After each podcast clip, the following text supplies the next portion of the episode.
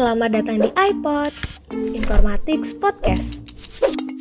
iPods adalah sebuah podcast dari HMIF Undip yang berisi perbincangan menarik dengan narasumber-narasumber spesial yang siap menemani hari-hari kalian.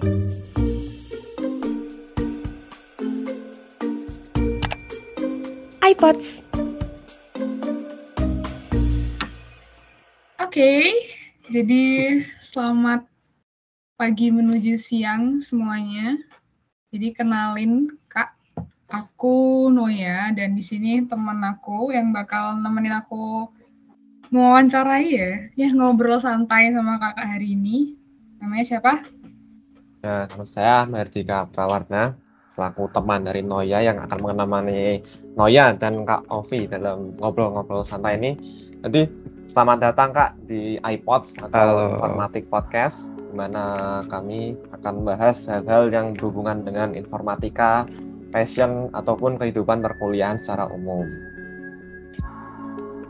Oke. Benar banget. Jadi hari ini uh, Kak Ovi udah tahu kan temanya yang bakal dibahas hari ini apa? Udah, udah. Mental health okay. kan ya masalah ya, bener kan? Iya, iya betul Kak. Benar banget. Ya, jadi hari ini kita kedatangan uh, tamu spesial nih guys, yaitu salah satu uh, mahasiswa dari uh, Universitas Diponegoro, khususnya jurusan psikologi, bener ya kak? Betul. Nah, berhubungan dengan tema yang kita akan bawakan hari ini, sebelum itu kita bakal bacain CV-nya kakak nih. Boleh kan, kak? boleh. Oh dibacain ya? Boleh, boleh, boleh. Singkat aja iya Kak. Dong.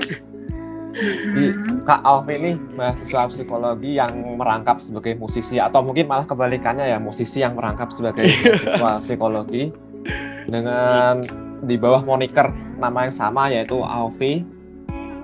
Di Alfi ini Kak Alfi ini udah semuanya mulai mulai masuk jadi musisi kondang lah ya dengan apa salah satu singlenya udah tembus 40.000 stream di Spotify dan monthly listenernya juga udah pernah nentuh 6000 lebih.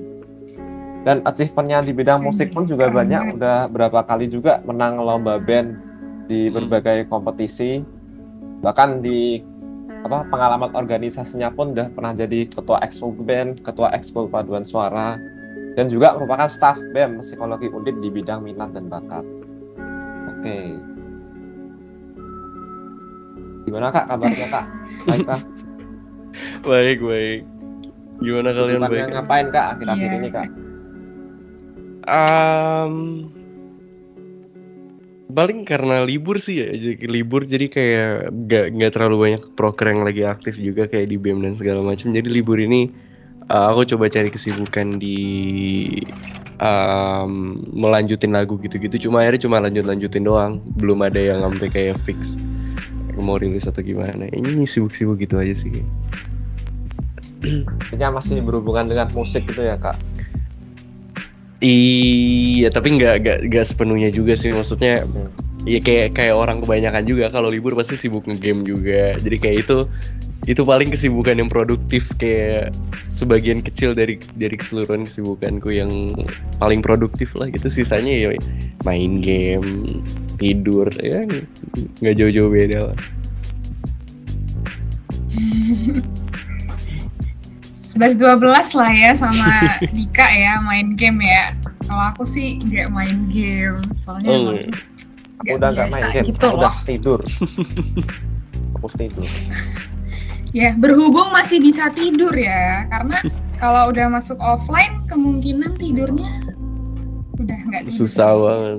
Nah Iya, benar. Karena ini kita bentar lagi mau bakal masuk uh, perkuliahan offline nih, pastinya uh, bakal ada perubahan dari uh, cara kita beradaptasi nih. Biasanya kan kalau online kita kuliah nih santai-santai, bisa sambil tiduran, tapi sekarang offline harus duduk, merhatiin, benar-benar terbangun di depan dosen. Hubungannya pasti juga kena nih sama mental health kita nggak sih? Bener nggak sih, Dik? Betul sekali. So, uh, kaget tiba-tiba kaget gitu ya nah ini berhubung kita punya pakarnya nih. Karena belajar pasti jurusan psikologi belajar tentang ini gak sih kak? Iya sih cuma iya aku masih maksudnya nggak bisa juga sih nyebut suwe bakar tapi ya aku ada sebagian kecil yang dipelajarin lah. Tapi ya gitu deh. Nah, tapi kan hmm. kalau dibandingin kita anak-anak informatika sih kakak kan pasti lebih paham nih sama tentang metalhead nih. Insya iya Allah. Iya sih. Iya, semoga lah. Ya, nah, tapi nanti kita bahasnya nggak terlalu menjorok kayak sampai uh, pengertian-pengertiannya yang gak, kayak sampai minta kak penelitian-penelitian gitu sih enggak sih kak gimana kak obat untuk hmm. menangani depresi itu enggak kak kita santai aja topiknya kak ya kita kita kayak bahas secara umum dan general aja nih soalnya kan akhir-akhir ini kalau nggak salah tuh lagi zaman-zamannya nih orang tuh kayak kena penyakit mental health semua dibawa dewa tentang mental health gitu Setidaknya gitu lebih bangun lah terhadap topik mental health. Hmm. Hmm, gitu. Nah ngomong-ngomong nih kak, kan nih kakak nih uh, kalau aku lihat uh, dari banyak prestasinya tuh berhubungan sama musik. Nah oh. alasan masuk psikologi tuh apa ya? um, ini mungkin aku sekalian kenalan kenalan yang ini ya proper kali ya apa Boleh, namanya bi biar nggak ini yeah. uh, uh, ya yeah.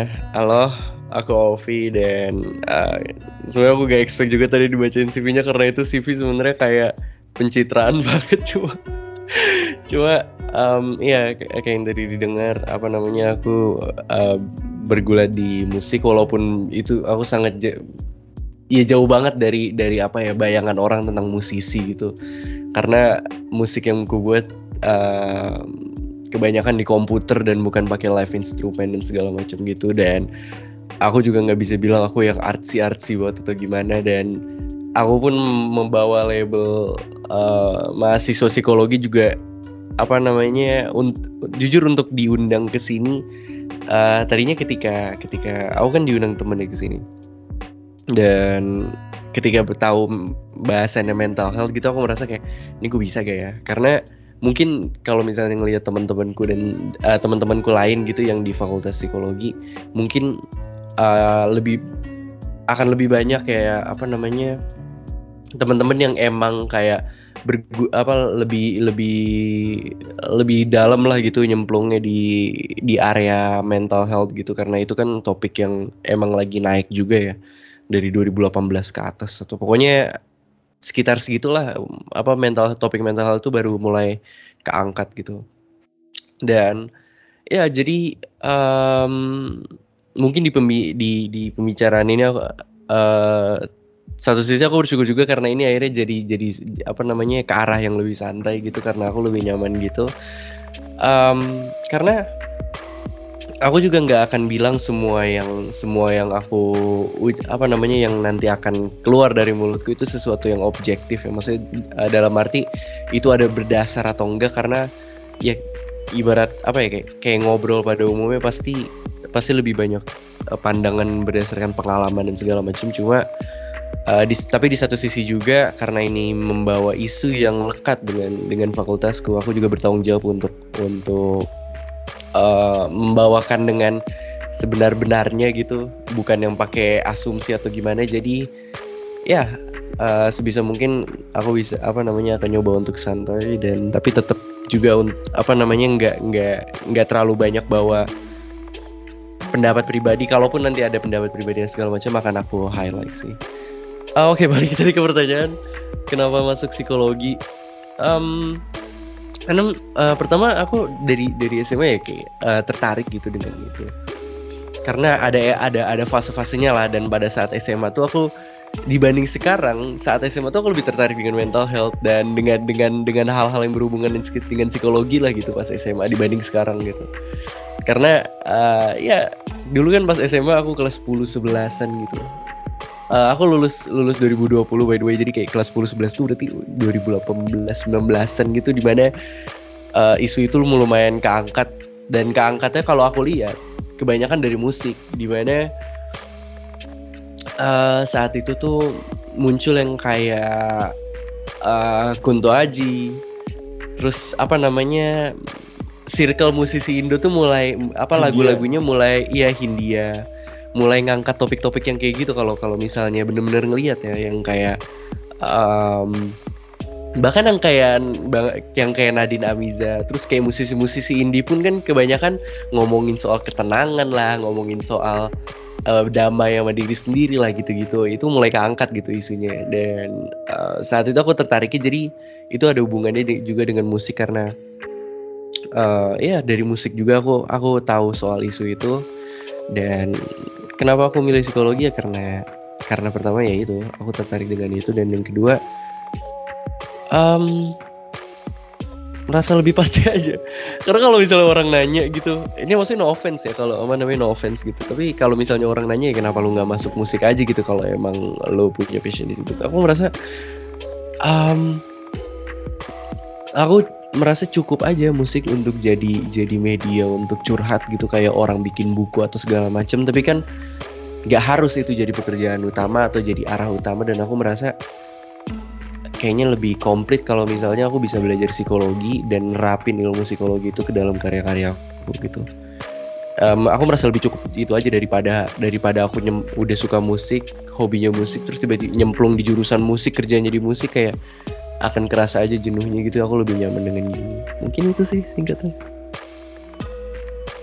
Oke mungkin tanya juga kak se itu karena tadi kan masnya ah kakaknya ngomong kalau musik tuh juga salah satu hal yang menginfluence masnya untuk masuk ke jurusan psikologi. Uh. Tapi kalau untuk musik itu sendiri musik yang ber, yang berbau mental health gitu seperti kayak Kunto Aji Hindia sampai mengangkat topik-topik mental health tuh seberapa besar influence musik-musik itu terhadap musik yang dibuat oleh kakaknya sendiri?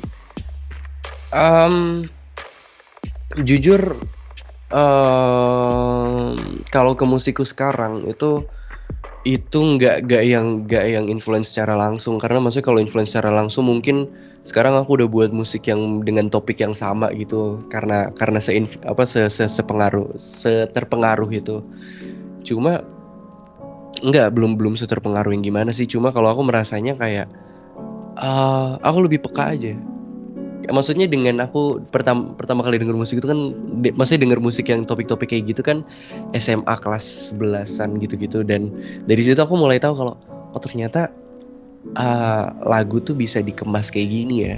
Dan bahas bahas topik kayak gitu ternyata bisa dikemas dengan kayak gini ya dan gitu-gitu ya. Dan uh, mungkin pengaruhnya ke gak secara langsung sih tapi akhirnya aku ngelihat kalau uh, misalnya main bahas cinta-cintaan gitu ternyata bisa dibahas di, di, di apa ya dibalut gitu dengan dengan kemasan yang yang yang berbeda gitu di mana um, biasanya orang bahas cinta-cintaan dari dari ngambil perspektif kayak orang yang lagi adoring yang lagi yang lagi jatuh cinta banget gitu-gitu tapi ternyata bisa dikemas dengan kayak refleksi ke diri sendiri gitu-gitu dan mungkin influence ke situ sih. Maksudnya ini bukan cuma musiknya doang ya. Um, ilmu psikologi pada umumnya aku pun ini kan baru mau masuk semester 3 jadi aku mungkin masih surface level banget pengetahuanku tentang psikologi. Cuma sejauh ini aku merasa uh, hal yang aku pelajarin ngebantu aku untuk ngemas musik lebih baik aja sih. Karena aku terus berusaha ngeliat dari perspektif lain aja sih coba nyari perspektif yang lebih unik yang gitu-gitu. Jadi kepengaruh langsung enggak sih karena aku belum belum punya kesempatan juga untuk bicara soal bicara soal topik-topik kayak gini gitu di musikku secara langsung. Musikku isinya sad boy semua.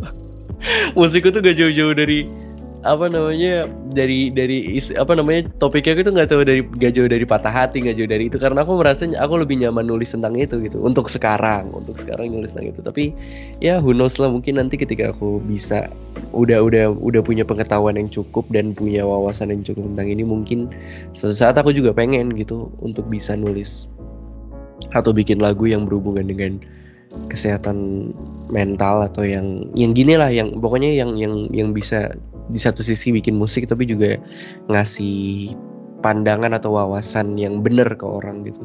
Karena ya aku bisa bilang aku suka banget dengan dengan Kunto Aji dan dia punya influence um, yang gede di aku. Karena tadi apa namanya itu juga yang bikin aku bikin aku tertarik dengan dengan isu ini. Dan ya aku pernah merasakan langsung gimana musik itu bisa musik dia musik Kunto Aji itu bisa ngebantu aku walaupun gak secara penuh ya bukan berarti itu yang kayak pedoman atau gimana enggak cuma ada beberapa waktu di mana aku at uh, some low point gitu kayak di titik rendah dan musiknya ternyata membantu dan dari situ aku merasa kayak kalau aku bisa suatu hari lewat musik bisa se berpengaruh ini ke orang gitu bisa pengaruhnya ke level personal gitu itu alangkah kerennya gitu dan ya masih diproses sih masih di perjalanan sampai bisa nem sampai ke titik itu bener itu banget sih, sih. kalau hmm. bikin lagu yang udah sampai dalam-dalam banget tuh menurutku musisinya udah semedi berapa lama gitu karena soalnya mikirin lirik tuh harus pas sama yang pendengarnya tuh susah banget soalnya kan hmm. aku juga pribadi tuh uh, kakakku kan juga musisi gitu ya jadi hmm. kayak aku hmm. tahu struggle-nya dia buat musik kayak gimana dan segala macam gitu nah tadi kan ngomong-ngomong tuh uh, kalau musik itu uh, influence uh, kita secara langsung di mental health juga bisa gitu nah menurut kakak nih ya mental health tuh sebenarnya uh, kesalahan siapa sih kesalahan dari kitanya sendiri nih yang ngerasa kita tuh uh, depresi atau dari orang lain atau dari lingkungan gitu um, sebenarnya gini sih um, di ilmu psikologi sendiri aku aku nggak bicara sebagai represent ilmu psikologi atau gimana ya, karena itu terlalu berat juga cuma uh, se, se, sejauh aku belajar uh, sebenarnya gak, kita nggak pernah pernah nemuin kayak pers, uh, ngambil perspektif dari siapa yang salah gitu. Even ketika orang um, punya gangguan mental gitu, gangguan tuh berarti yang udah parah gitu, yang udah yang yang perlu penanganan. Penanganannya pun uh, sejauh yang aku tahu nggak pernah mencari ini salah siapa gitu. Cari penyebab iya, kayak ada beberapa beberapa terapi yang yang yang nyari akarnya gitu kayak mungkin kalau yang banyak orang tahu tuh contohnya kayak psikoanalisisnya Freud itu kan uh, kayak ibaratnya kayak ngegali nyari akarnya kayak kenapa bisa kayak gini gitu. Tapi itu pun bukan bukan berarti menyalahkan gitu. Itu lebih ke apa namanya buat cari solusinya mungkin kita harus ke akarnya dulu untuk tahu kenapanya gitu. Tapi kalau misalnya kita bicara kesehatan mental ya menurutku nggak ada yang bisa disalahin sih. Karena event itu terjadi dengan diri kita walaupun penyebabnya dari luar atau dari dari dari dari eksternal gitu menurutku gak sepenuhnya juga kita kita perlu nyalahin itu. Karena pertama yang yang paling penting adalah menyalahkan nggak nggak nggak nggak menyelesaikan apa-apa. Menurutku ya nyalahin tuh nggak nyelesain apa-apa. Kayak ya udah kalau kita salahin terus gimana? Jadi kalau misalnya ya udah kita misalnya tahu nih oh, oh gue kayak gini karena misalnya uh, pengaruh teman-teman gue dari kecil dan segala macam terus terus gimana? Terus mau nyalahin terus gitu dan menurutku uh, uh, apa ya kayak sudut pandang blaming tuh nggak pernah menyelesaikan apa-apa. Jadi uh, di saat, saat apa uh, poin pertama itu dan poin kedua adalah um, pada akhirnya diri kita ya tanggung jawab kita sendiri gitu. Maksudnya oke okay, maksudnya mungkin ada beberapa orang yang yang bisa yang yang tumbuh bukan bukan apa ya kayak katakanlah tidak seberuntung orang lain gitu misalnya uh, dia besar di keluarga yang abusive misal dan itu berpengaruh ke mental dia uh, berpuluh-puluh tahun ke depannya berpengaruh dengan kepribadian dia. Misalnya ada orang juga yang yang misalnya secara dari dari dari kecil gitu dari lahir misalnya dia bipolar gitu kan ada yang dari kecil. Dan itu kan bukan sepenuhnya salah dia dong. Karena ada beberapa orang dengan ketidakberuntungan itu, tapi satu sisi juga bukan berarti harus selalu ada yang disalahin gitu. Karena um, ketika kita bicara isu isu kesehatan mental, ini kita bicara kita apa namanya yang dicari adalah terus solusi solusi solusi solusi karena um, pada akhirnya semua orang akan menderita gitu dan dan dengan porsi yang berbeda-beda ya tapi yang bisa memperbantu membantu memperbaiki diri kita sendiri kita kita sendiri itu. Dan menurutku ya um, pada akhirnya pada akhirnya nih ya maksudnya bukan bukan semerta-merta gitu tapi pada akhirnya itu balik lagi ke diri kita sendiri gitu. Kayak apa namanya yang bisa memperbaiki yang bisa memperbaiki keadaan yang bisa mem, apa kayak mengurangi mengurangi masalah gitu. Ya pada akhirnya diri kita sendiri mau mau siapa pun itu yang uh, menyebabkan gitu. Dan mungkin itu yang yang yang aku lihat juga sih di di sekarang gitu di di apa ya di lingkungan sekarang. Walaupun aku lihat dari kacamata sosmed ya cuma dari yang aku lihat adalah kebanyakan orang sekarang semakin dia aware dengan kesehatan mental orang tuh malah makin mm, ngebuat dirinya vulnerable gitu. Ngebuat dirinya makin rentan. Misalnya oke okay, ketika topik uh, isu kesehatan mental naik orang jadi kenal oh ternyata ada yang namanya depresi. Oh ternyata ada yang namanya anxiety. Itu kan bahasa yang yang yang overused banget nih di sosial media. Anxiety depresi uh, apalagi ya overthinking segala macam gitu gitulah tapi akhirnya uh, yang aku lihat eh, mungkin ini fase ya karena pasti di topik yang lagi naik itu kayak karena orang berbondong-bondong masuk jadinya kayak banyak banget orang yang merasa uh, pengetahuannya tentang itu udah banyak gitu. Tapi ternyata belum. Dan dan emang nyatanya gitu. Ternyata bahkan aku sendiri pun masih sangat cetek ternyata masih banyak banget yang perlu dipelajarin. Dan dan poinku adalah orang-orang tuh jadi apa ya um, merasa ya itu tanggung jawab orang lain untuk menjaga kesehatan mental dia padahal enggak kayak orang bilang um, orang tua aku toksik banget. Um, misalnya karena hal sepele gitu terus dia merasa itu itu menyerang mental health dia dan segala macem dan misalnya ada orang tua yang kayak eh, nggak uh, nggak ngebolehin anaknya pulang malam gitu terus dia merasa apa namanya nongkrong sampai malam adalah cara dia untuk healing lah atau apalah itu bahasa bahasa bahasa orang-orang gitu terus dia merasa orang tuanya yang merusak mental health dia. Enggak anjir. Oh, sorry. Itu tersensor aja kan. Sorry aku ngomong sorry cuma maksudku um, pada akhirnya itu tanggung jawab tanggung jawab kita sendiri dan dan kalau kalau misalnya kita nggak mau adaptasi dan nggak mau nggak mau nyari apa ya nyari jalan tengahnya gitu ya selamanya juga kita akan merasa mental kita tersakiti dan ini mungkin yang yang menarik sih apa namanya uh, sebenarnya dari dari kemarin aku mau ngebahas ngebahas ini yang penting adalah um, kesehatan mental tuh bukan berarti kita ngekip diri kita kayak di taman bunga gitu. Kayak terus-terusan bahagia gitu enggak. Karena um, ini kalau aku bicara rada teoritis kayak menurut menurut WHO gitu kayak kesehatan kesehatan kesehatan pada in general adalah kesehatan fisik, mental, psikis gitu sama sosial. Dan kalau kesehatan fisik pasti harus semua orang udah tahu gitu. Tapi untuk kesehatan mental um, itu sesuatu yang yang bukan berarti apa namanya uh, ketika kita misalnya terus-terusan bahagia itu berarti mental kita sehat dan ketika kita sedih berarti mental kita lagi rusak. Enggak gitu. Kesehatan mental itu pada pada dasarnya adalah uh, gimana kita menyadari kondisi kondisi psikologis kita dan gimana kita bisa ngestabilin itu.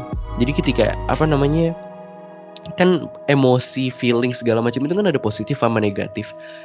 Nah, mental yang sehat itu adalah yang mereka yang bisa ngestabilin antara antara itu, antara sedih nggak harus sedih sih. Maksudnya ini kalau lebih umumnya adalah uh, antara perasaan negatif sama positif itu yang bisa distabilin dan ketika dia bisa ngestabilin dirinya ketika menghadapi stres dan uh, yang pasti outputnya adalah dia bisa produktif dan bisa bisa jadi apa ya?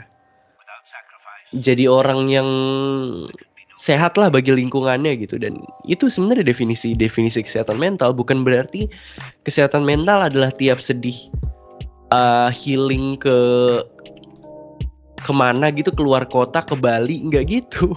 Dan itu bukan bukan maksudnya bu, apa bukan resep pasti cara menjaga kesehatan mental bukan kayak gitu. Bukan kayak tiap sedih kita kita keluar kota atau tiap sedih kita um, misalnya ngetrit diri kita makan-makan di restoran mewah atau gimana dan itu berbanding lurus dengan berapa uang yang kita keluarkan untuk ngetrit diri kita sendiri enggak. Itu sebenarnya soal kestabilan diri. Dan ya tadi kan sebenarnya pertanyaan pertanyaan awalnya adalah ini ya. Kalau aku apa coba ngingetin diri juga gitu uh, pertanyaannya adalah ini sebenarnya salah siapa gitu dan ya tadi balik lagi ke poin utamaku ini sebenarnya tanggung jawab diri kita sendiri soal kesehatan mental kita karena itu konsekuensi konsekuensi hidup gitu. Konsekuensi kita kita terjun ke dunia sosial adalah kita berinteraksi dengan orang-orang yang beda-beda dan masing-masing orang dan tiap orang tuh punya pengaruh yang beda juga terhadap diri kita. Dan itu itu tanggung jawab kita untuk bisa gimana caranya gue bisa bertahan di kolam ini. Karena nggak mungkin juga kan kita ngurung diri terus di kamar. Itu pun nggak sehat bagi mental gitu. Jadi um, ya sebenarnya nggak ada resep pasti gitu. Tapi intinya itu itu tanggung jawab diri lu sendiri. Dan menurutku nggak akan nyelesain masalah nyalain siapa pun mau diri sendiri mau orang lain itu nggak akan nyelesain masalah. Mending mending perspektifnya diubah menjadi apa yang bisa dilakuin apa namanya ketika kita punya um, merasa kesehatan mental kita terganggu. Dan mungkin ini ya orang-orang tuh uh, satu poin lagi gitu yang harus yang harus diingat adalah itu nggak nggak melulu gangguan mental. Karena mungkin bahasanya tuh ada kayak cedera mental tapi nggak semuanya gangguan. Nggak semua nggak semua kesedihan nggak semua uh, rasa perasaan negatif yang kita rasain itu gangguan mental? Enggak. Karena gangguan mental itu kan sebenarnya misalnya kayak bipolar dan segala macam itu kan sesuatu yang udah ekstrim gitu. Ketika uh, bahasanya kayak cedera mental tapi yang udah ekstrim kayak sakit fisik aja. Misalnya kita jatuh terus ngerasa um, kita rada keseleo itu kan sebenarnya kalau misalnya diibaratin mental itu kan masih luka ringan gitu. Kayak and it's totally normal menurutku. Untuk untuk kita jatuh untuk kita ini itu itu sangat normal untuk kita kalau di ini kayak terkadang kita cemas atau sedih itu sesuatu yang normal dan itu jadi gangguan ketika itu udah pengaruhin diri kita dalam jangka yang panjang dan pengaruhnya udah besar banget pengaruh buruk ya pastinya. Dan itu yang perlu penanganan. Tapi apakah apakah berarti kalau misalnya kita udah merasa sehat mental kita nggak perlu uh, penanganan secara psikologi? Nggak juga. Karena um, kesehatan mental tuh kayak bedanya kalau misalnya kesehatan fisik. Ketika kita lagi sehat gitu. Ketika kita hanya menjaga menjaga pola makan dan segala macam gitu gitu pokoknya ketika, ketika kita merasa sehat secara fisik mungkin kita nggak perlu ke dokter gitu. Tapi apakah di di, di ranah uh, kesehatan mental begitu nggak juga. Karena orang sehat pun juga bisa. Orang sehat pun punya punya opsi untuk menjadi lebih sehat kalau di kesehatan mental aku ngelihat ya. Kayak orang sehat pun juga bisa ke psikolog untuk misalnya um, misalnya dia lagi bingung milih uh, dua keputusan gitu. Dia sehat, sehat mental tapi cuma lagi bingung milih dua keputusan apakah dia bisa itu ke psikolog? Bisa.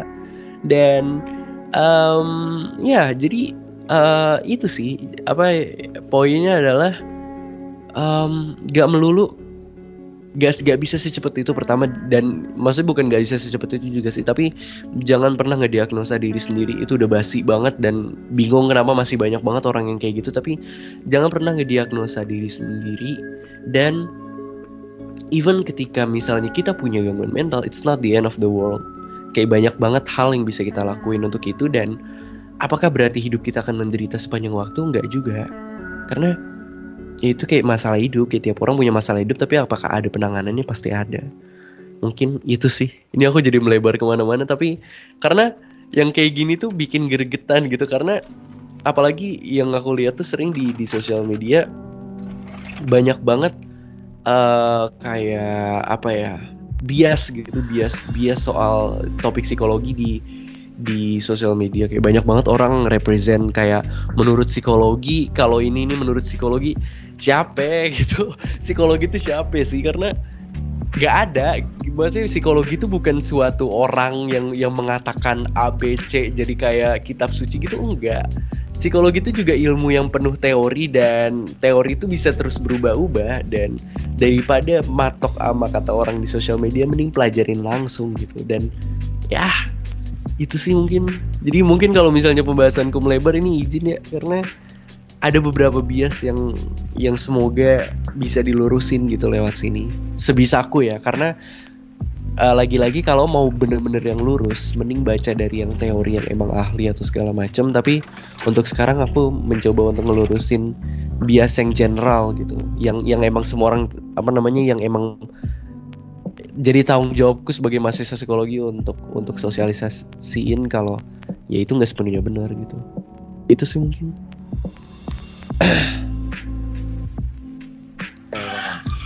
Jawabannya sungguh di luar ekspektasi nih sebenarnya. Iya bener banget.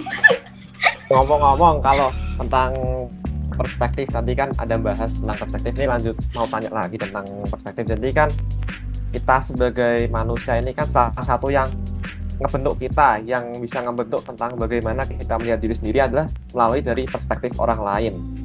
Nah, dalam apa namanya untuk menghadapi menghadapi perspektif dari orang perspektif perspektif yang dasarnya tidak kita setujui seperti ekspektasi yang tinggi dan lain-lain tuh bagaimana sih mas dalam itu untuk menjaga mental health ini apabila yang datangnya dari luar seperti kayak tadi ekspektasi dari orang gitu gitu. Hmm, gimana ngadepin ekspektasi ya sebenarnya gini loh. Um, menurutku pribadi ya kalau orang bilang kayak uh, kita cuma kita nggak bisa berekspektasi dari orang lain dan kalau mau naruh ekspektasi taruh ekspektasi di diri sendiri. Dan jangan berekspektasi sama manusia atau gimana gimana lah.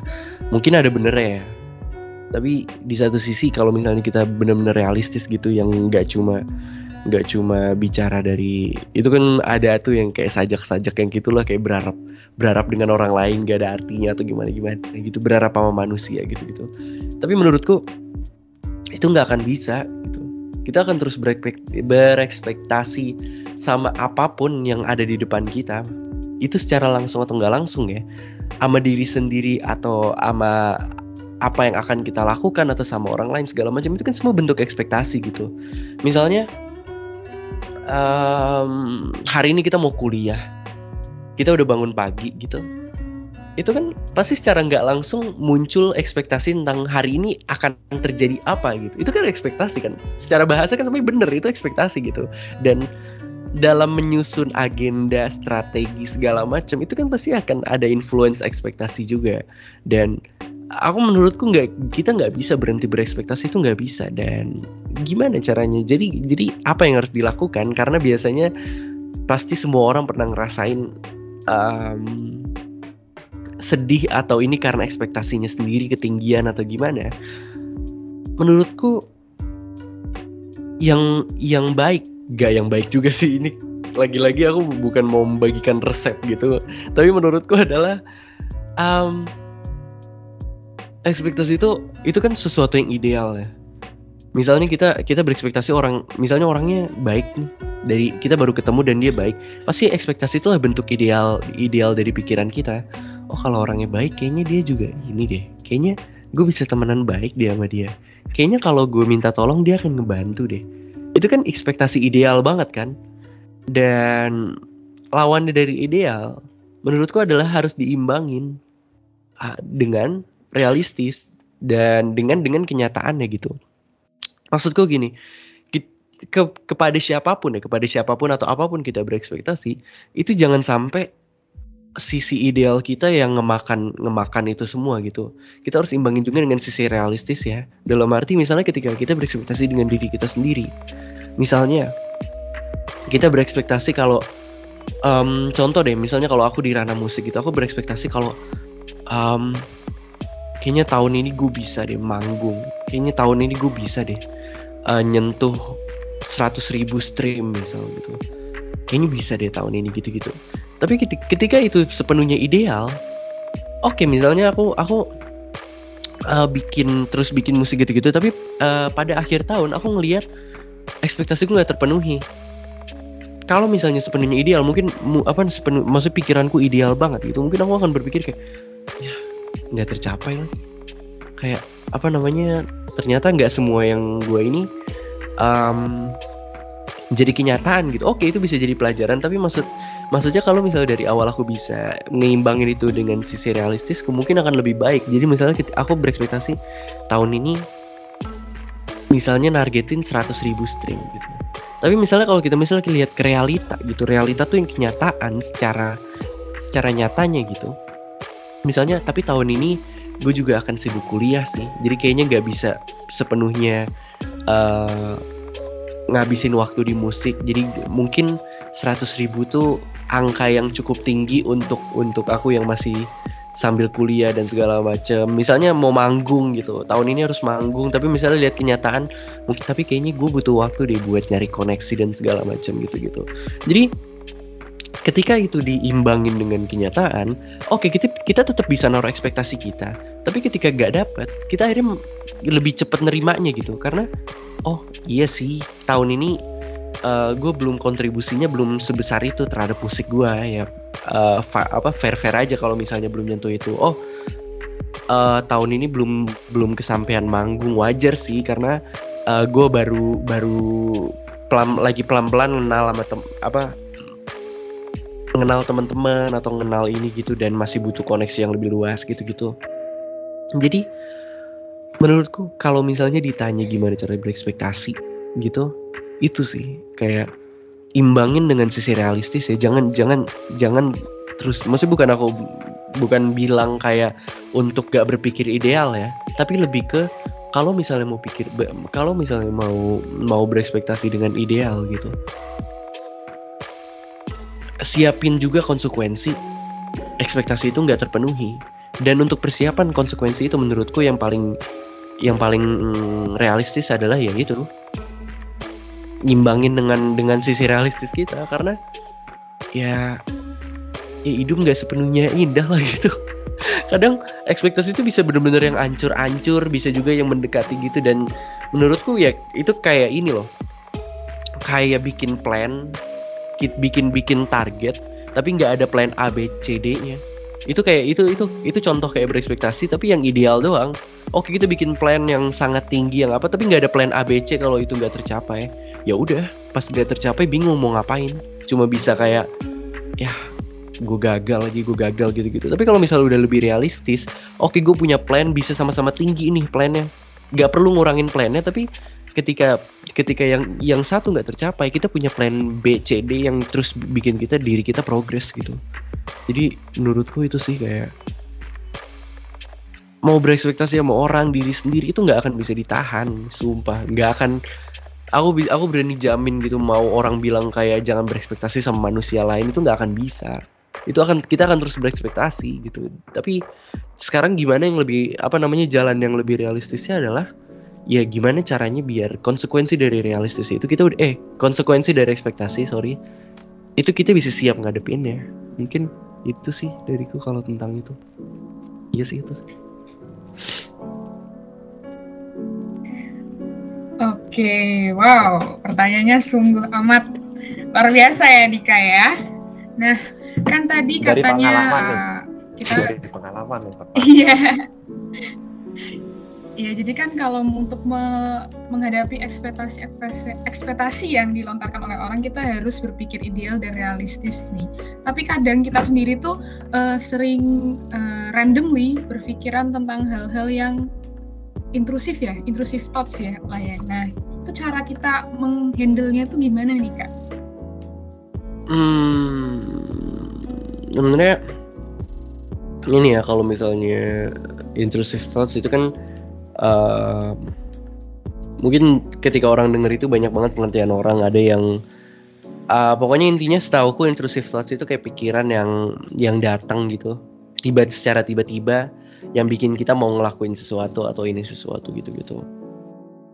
Uh, ini juga sebenarnya topik yang lumayan uh, intrusive thoughts ini deket banget dengan kesehatan secara fisiologis ya karena itu ada hubungannya dengan otak dan segala macam gitu. Cuma itu sesuatu yang normal juga.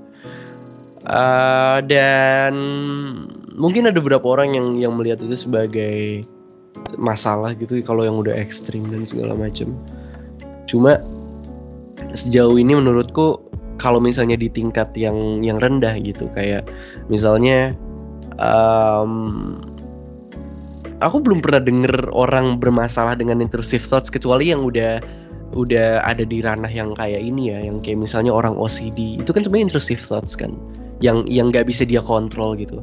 Tapi sejauh kalau masih bisa dikontrol dan aku yakin kebanyakan dari kita masih bisa ngontrol gitu, karena itu sebagian kecil doang. Tapi kalau masih bisa dikontrol, ya menurutku lu masih masih nggak apa-apa sih. Dan itu normal-normal aja. Karena menurutku nggak tahu sih.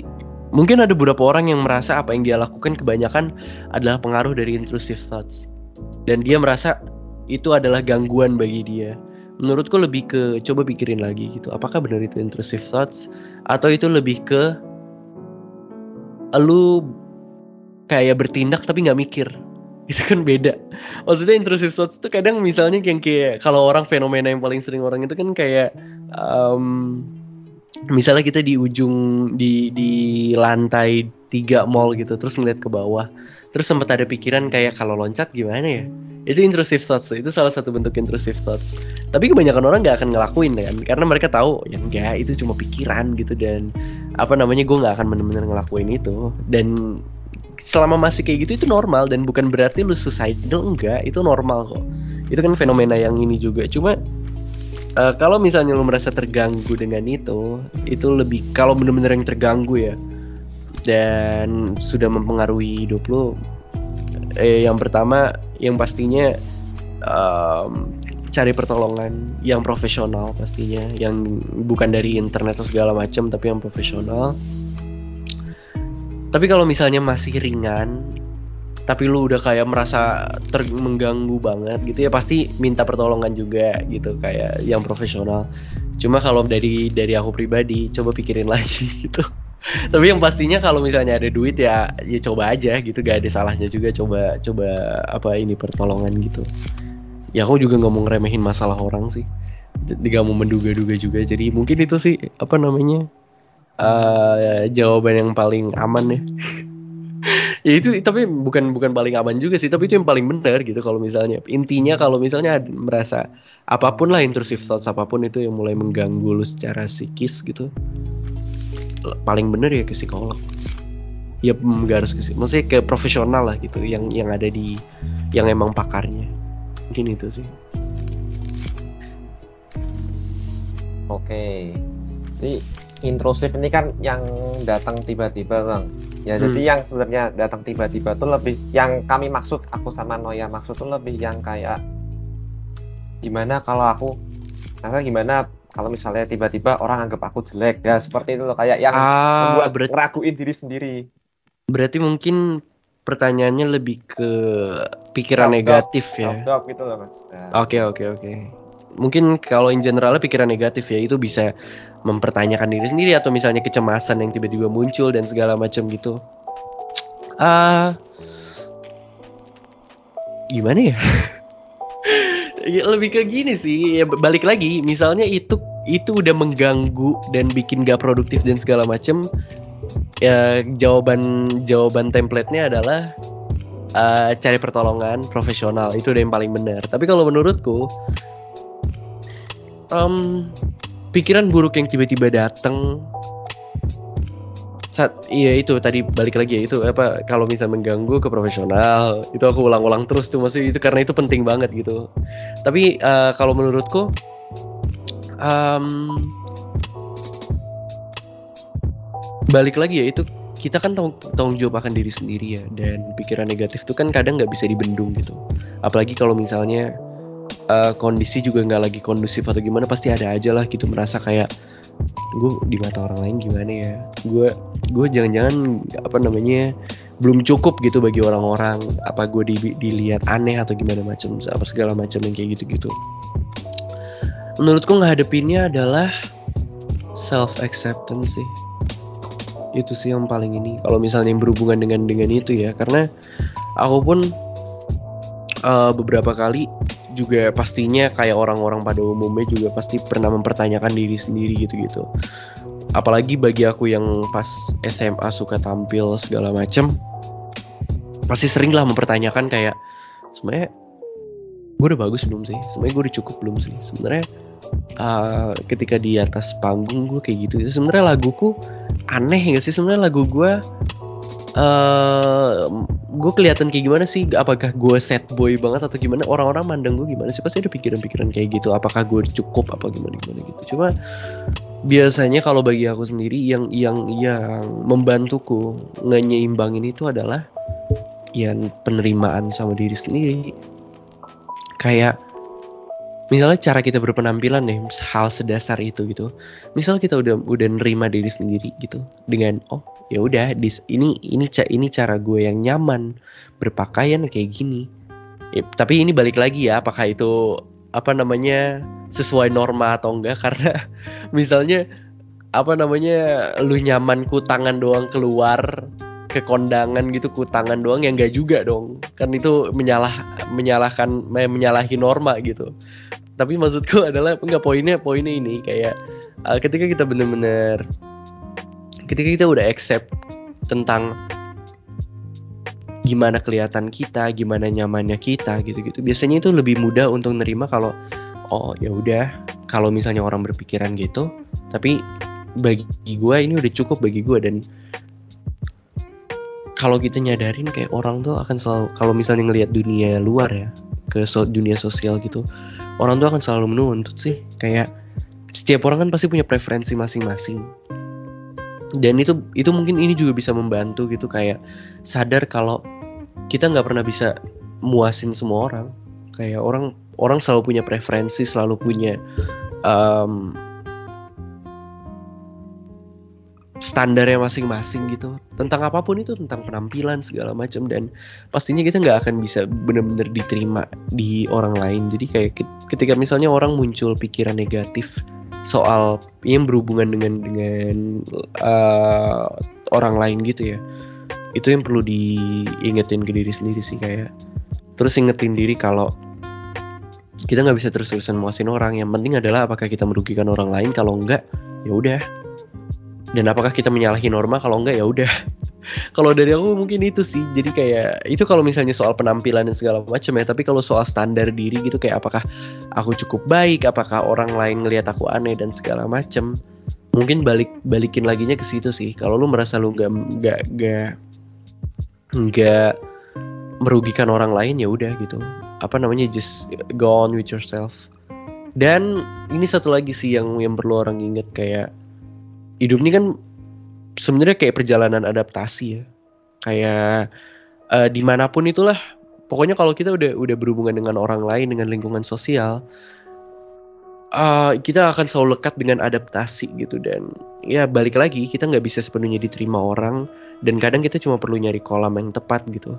Kadang ketika pikiran negatif itu muncul terus menerus bisa aja kita ada di kolam yang salah. Dalam arti bisa aja kita ada di kolam orang-orang yang terus menuntut gitu.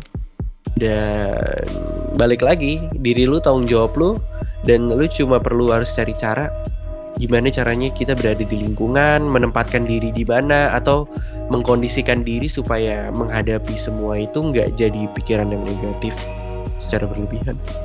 Mungkin itu sih. Oke.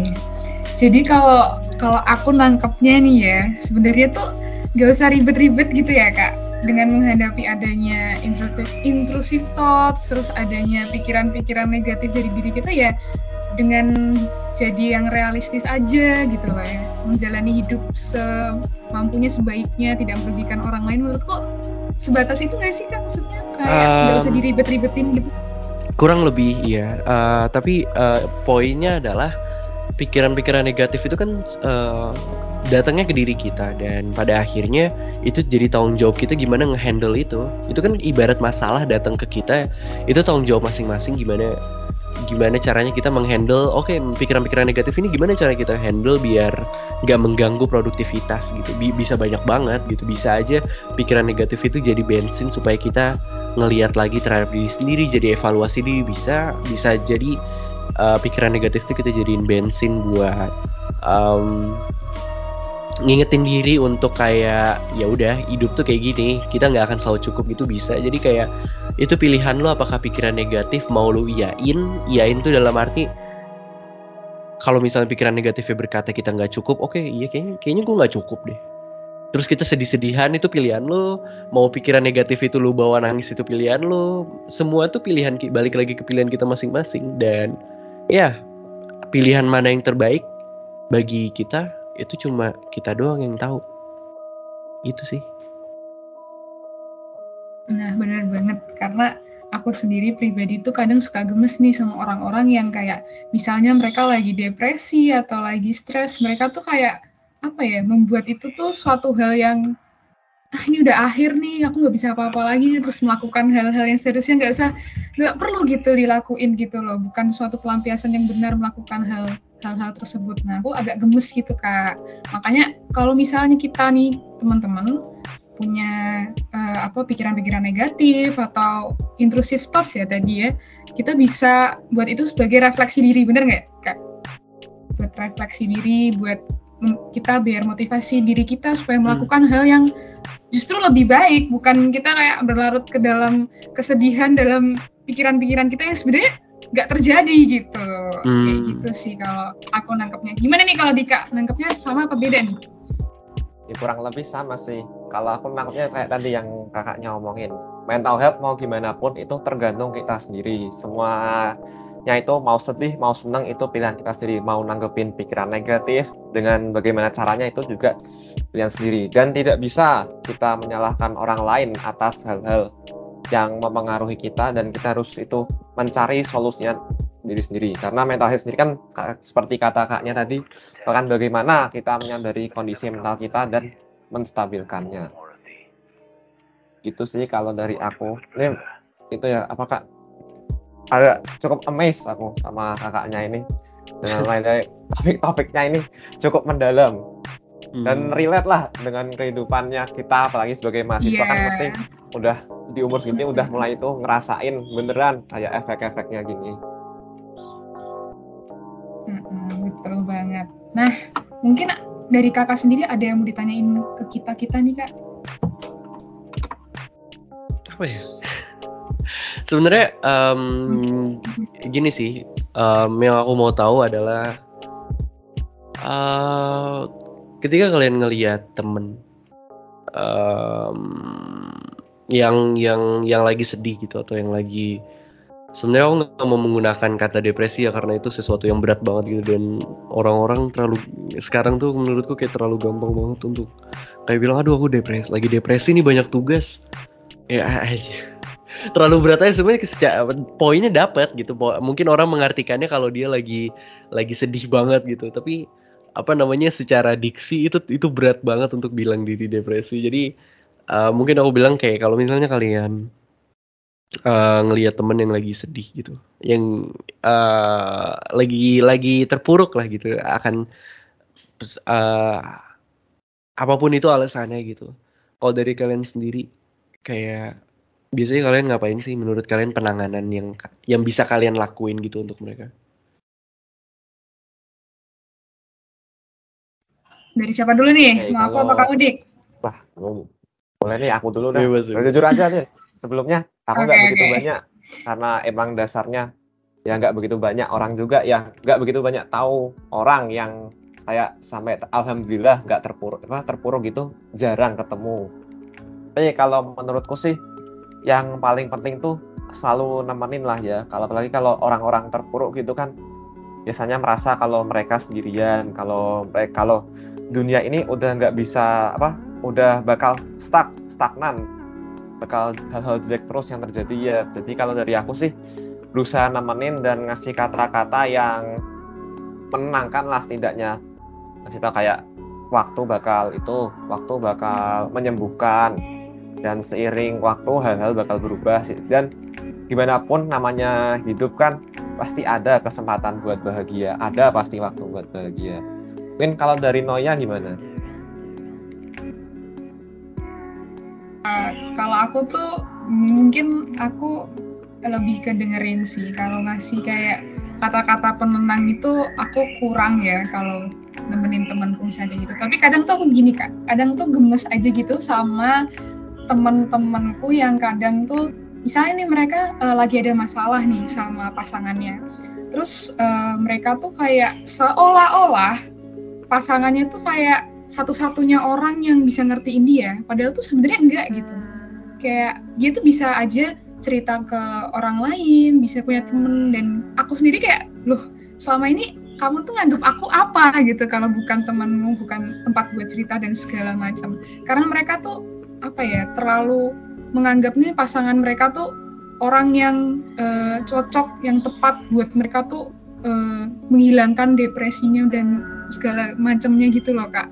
Dan ketika pacar uh, pasangannya itu mungkin lagi ada problem nggak bisa nemenin mereka gitu mereka kayak merasa terpuruk merasa kayak uh, aku tuh nggak punya temen lagi nggak punya tempat buat curhat lagi safe place segala macem gitu loh kak. Nah kadang tuh aku ngerasa kayak loh gunaku menjadi temanmu yang selama ini menemanimu ketika kamu sedih dengerin curhatanmu tentang pasanganmu ini nggak kamu anggap berarti gitu loh nah menurut kakak tuh kayak gimana gitu? Ya, um, sebenarnya uh, udah baik sih maksudnya untuk untuk kalian apa namanya paling nggak bersedia untuk dengerin atau nemenin dan segala macam kalau misalnya ada temen yang yang begitu. Dan aku ngerti banget ada beberapa temen yang emang bikin gregetan gitu. Karena aku pun aku pribadi juga pasti punya uh, ada aja lah temen gitu yang kayak satu sisi merasa dia butuh butuh bantuan gitu. Mungkin bantuannya nggak harus yang kayak uh, profesional atau segala macam ya bantuannya secara ini aja emosional gitu-gitu. Tapi di sisi lain kita ngelihat kayak lu mau ditolong gak sih? Karena dia merasa, merasa kayak dia ngeromantisasi kesedihannya gitu. Dan itu sering banget kita lihat di orang lain kayak satu sisi kita ngelihat dia dia menderita ketika dia sedih tapi di sisi lain kita juga bisa ngelihat kalau dia Iya tadi bahasanya ngeromantisasi kesedihannya dan kayak kayak ngerasa dia um, kayak netapin dirinya kayak pokoknya seneng seneng untuk sedih gitulah seneng untuk jadi sedih gitu dan. Ya mungkin kalau dariku um, pertama kan lagi-lagi orang nggak bisa kita kontrol ya. Yang bisa kita kontrol tuh uh, diri kita sendiri doang dan dan tindakan kita gitu yang bisa kita atur gitulah. Dan ya untuk ngadepin teman-teman yang gitu um, pertama just uh, lakuin apa yang menurut kalian terbaik yang dan yang pasti tetap ingat diri sendiri ya. Jangan jangan sampai buat orang lain buat temen gitu kita lupa sama diri sendiri jangan. Tapi tetap ingat diri sendiri kayak uh, tarafnya kayak gimana yang bagus dari kita yang yang cukup dari kita berusaha bantu dan segala macem. Dan pastinya um, ketika bantu sebisa mungkin uh, apa ya? Sebenarnya ini ini ini yang aku dapat dari ilmu psikologi adalah ketika kita dengar cerita dengar cerita orang gitu dan segala macam sebenarnya kita tuh nggak berkewajiban untuk ngasih solusi bagi dia. Kayak uh, misalnya ketika dia diputusin apa namanya misalnya dia diputusin pacar gitu dia diputusin pacar atau gimana kita nggak perlu Nanti kalau dia dia cerita ke kita gitu ya, pada dasarnya ya kecuali dia minta atau gimana nggak tahu itulah itu urusan personal. Tapi maksudnya pada dasarnya kita tuh nggak berkewajiban ngasih tahu ngasih tahu dia kayak oh lu harus kayak gini biar move on, lu harus A B C biar move on gitu enggak. Karena pada akhirnya itu tanggung jawab dia untuk menentukan pilihan dia dan bagi kita kita cuma perlu kayak uh, menurutku the least we can do adalah untuk ngelurusin pikiran dia untuk ngebantu dia uh, orang ketika orang sedih kan kadang dia nggak realistis ya misalnya cemas atau segala macam itu kan biasanya uh, kalau in general adalah karena mereka nggak realistis. The least we can do adalah itu bantu mereka ngestabilin adalah antara misalnya mereka berpikir terlalu ideal kita bantu lihat dari sisi realistis ya. Tapi tetap di dengan manner yang benar ya. Nggak yang kayak ngenampar gitu kayak ya nyatanya kan lo gak gitu gitu gitu nggak yang gitu juga tapi dengan manner yang benar gitu. Tapi uh, intinya adalah um, aku salut banget kalau misalnya uh, kalian masih masih ngasih effort untuk dengerin dan segala macam gitu-gitu. Itu emang emang uh, hal yang harus dilakukan gitu. Uh, dan mungkin ini buat buat jadi ini aja sih ini tambahan gitu um, ya. Menurutku uh, yang yang pasti yang harus terus diingat adalah tiap orang kesedihannya itu tanggung jawab dia masing-masing dan ketika kalian dengerin orang dan segala macam gitu itu bukan tanggung jawab kalian untuk meng, meng apa namanya mengembalikan kebahagiaan dia gitu. Jadi maksudnya kayak jangan merasa bersalah man itu karena ya masalah hidup udah cukup banyak lah gitu jangan nambah masalah diri sendiri. Tapi di satu sisi juga tetap berusaha kasih yang terbaik aja terutama bagi teman atau bagi keluarga. Kalau bisa dengerin dengerin. Kalau bisa kayak ngasih advice ngasih advice. Tapi yang perlu menurutku yang perlu digarisbawain adalah pada akhirnya itu harus jadi pilihan dia dan dia harus dia harus mandiri untuk tahu apa yang perlu dilakuin. Itu sih mungkin dari aku. Oke, jadi mantap banget nih Kak. Makasih buat jawabannya. Nah, karena kita udah berbicara panjang nih tentang mental health. Sudah waktunya kita mengakhiri podcast kali ini ya. Makasih hmm. untuk Kak Ovi uh, karena udah jadi narasumber kita pada podcast kali ini. Nah, sebelum mengakhiri, uh, Noya mau ngasih kesimpulan nih. Jadi yang Noya dapat dari pembahasan kita tentang mental health ini adalah semua masalah yang kita hadapi, perasaan dan kesehatan mental merupakan tanggung jawab kita sendiri ya sebagai manusia terus kita tidak bisa mengontrol uh, ekspektasi ekspektasi uh, yang masuk dari orang lain terhadap kita. Terus gangguan mental itu bukan akhir dari segalanya ya teman-teman dan coba untuk lebih bijak dan realistis gitu dalam hidup. Oke, kalau dari aku sih gitu. Kalau dari Dika gimana nih? Ya kalau dari aku sih kurang lebih sama sebenarnya kayak kembali lagi mental health itu tanggung jawab kita sendiri Nah yang dari tadi nempel di kepalaku terus itu lebih ini yang masalah ekspektasi. Kalau kita sebagai manusia tuh memang realistis untuk berekspektasi, cuma harus diimbangi dengan pikiran yang realistis. Pikiran ekspektasi sendiri kan merupakan pikiran yang ideal dan harus kita imbangi dengan hmm. sisi yang realistis. Ya sebenarnya berpikir ideal kan emang gampang gitu. Kita tinggal bayangin ekspektasi, cuma harus itu juga harus siap menghadapi konsekuensinya juga dan mungkin yang nambah lagi yang terakhir nanti itu harus lebih itu wah, mungkin waspada dengan orang sekitar memperhatikan orang, orang sekitar dan apabila ada yang terpuruk ada yang kesusahan gitu membantulah setidaknya menemani dan mendengarkan gitu tidak harus memberikan solusi oh ya terima kasih juga untuk Kak Alfi telah menyempatkan datang dan membagikan pengalaman dan ilmunya Sama-sama. ini nah, durasi yang cukup panjang ini Oke, mungkin langsung tutup aja podcastnya. Terima kasih untuk yang mungkin sudah menonton dalam durasi yang menonton atau mendengarkan dalam durasi ini. Terima kasih kami tutup podcastnya. Thank you semua. Thank you. Thank you semuanya.